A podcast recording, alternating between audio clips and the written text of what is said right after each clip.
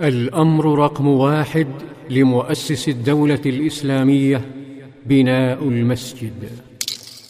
ظل صلى الله عليه وسلم يصلي بالناس كلما حان وقت الصلاة في أي مكان في الدور في الساحات في البساتين وحتى في مرابض الغنم.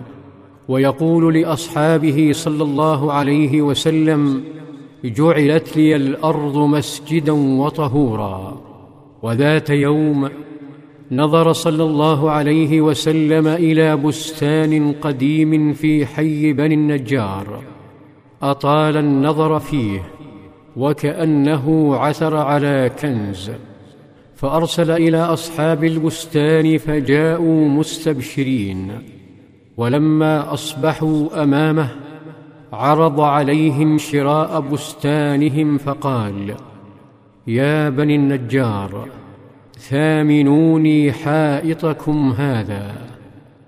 هبت كلماته كالنسيم تهز ربيع الأنصار ففاح الجود في أرض الجود. أقسم بنو النجار ألا يأخذوا شيئا وقالوا لا والله لا نطلب ثمنه إلا إلى الله. عندها أصدر صلى الله عليه وسلم الأمر الأول لمؤسس أول دولة إسلامية. دولة لم تؤسس على الجثث ولم تبن بالجماجم. دولة قامت على إفشاء السلام وإطعام الطعام وصلة الأرحام والصلاة بالليل والناس نيام. إنها دولة لا يمثل السجن أو القصر أول اهتمامات قائدها كما في فارس والروم. دولة أول مبانيها المسجد المدرسة حيث العلم أول شرط للعبادة. بدأ صلى الله عليه وسلم البناء بنفسه. وأعانه المهاجرون والأنصار. بدأوا بهدم الخرائب وتسوية الأرض ونقل القبور الغابرة واقتلاع النخيل وتقطيع وتشذيب جذوعها. ثم حفروا حفرة طويلة غرزت فيها جذوع النخل وصفت كالجدار في جهة الشمال. باتجاه القبلة الأولى المسجد الأقصى. انطلق بعضهم خارج المدينة لتقطيع الصخور ووضعها أساسات للجدران ثم صنعوا من بقيتها عمودين لباب وعمودين آخرين لباب آخر ثم بدأوا بناء الجدران بالطين. وهنا تألق صحابي اسمه طلق بن علي قادم من نجد من اليمامة بالتحديد. أظهر براعة فائقة في صنع اللبن.